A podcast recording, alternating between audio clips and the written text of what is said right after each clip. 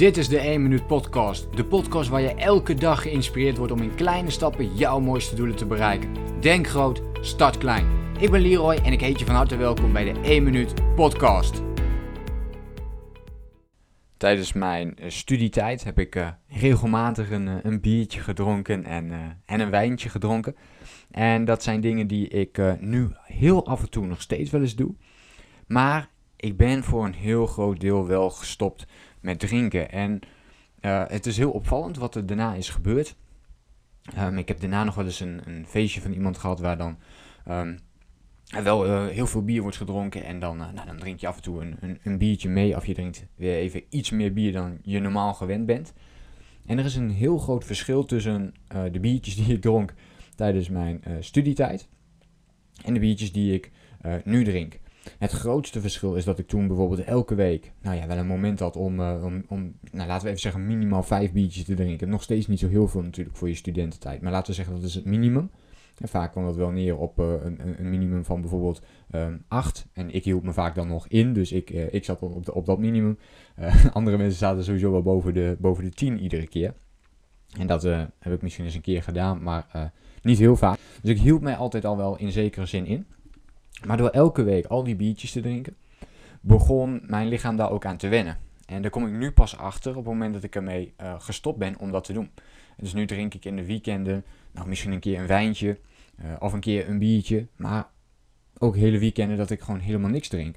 En sinds de momenten dat ik dan toch weer op een feestje ben waar ik iets meer ga drinken. Dus ik hoef dan eigenlijk al maar uh, drie biertjes te drinken. Um, en dan begint het geloof ik al een beetje. Maar ik merk dat meteen aan mijn lichaam. Of laat ik zeggen, ik, ik merk het niet meteen op dat moment. Het is ook niet dat ik me dan anders voel. Maar de volgende dag, als ik opsta, dan merk ik het opeens. Want ik moet dan naar de wc.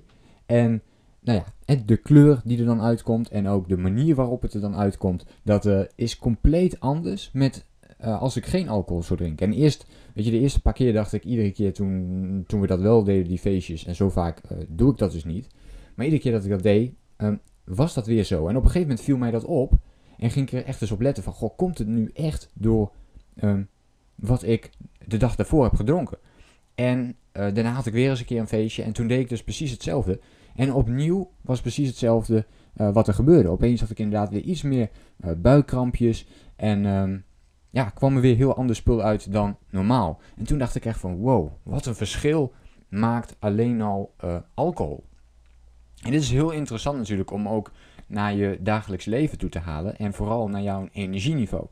dus wil je meer energie hebben, wil je meer focus hebben, wil je productiever worden, ja, dan is het dus ontzettend belangrijk om je uh, alcoholpercentage in ieder geval uh, te gaan verminderen. Als je nu dat nu al uh, regelmatig doet, of misschien wel meer doet dan je wilt, vaak weten we dat van onszelf wel, hè, en hebben we dat gevoel van onszelf wel, of we dat wel of niet kunnen veranderen en hoe we dat kunnen veranderen. En of je het wilt veranderen. Nou, en als je dat gevoel al een beetje hebt, weet dan dus aan de hand van dit verhaal wat het verschil kan zijn. Alleen al op dit stukje. Dus ik heb het nog niet over alle suikers die je binnenkrijgt, of uh, snoep, koek, uh, al die andere dingen.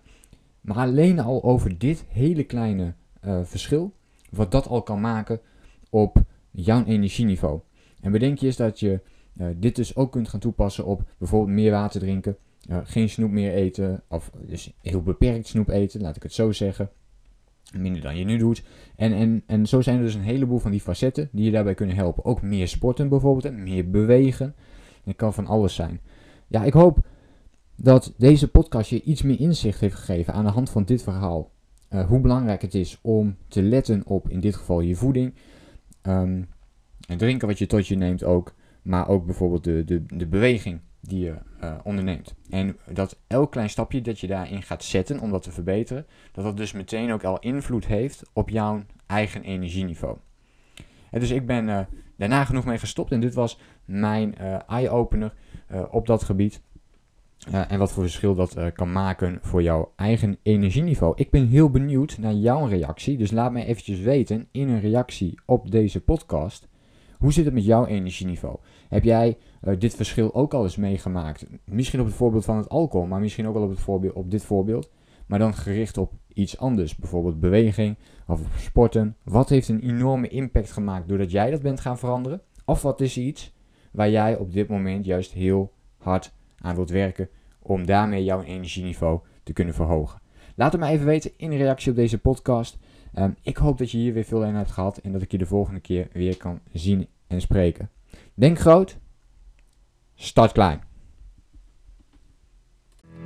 Bedankt voor het luisteren. Geloof jij net als ik dat je in kleine stappen jouw mooiste doelen kunt bereiken? Abonneer je dan op mijn podcast voor meer dagelijkse tips en inspiratie.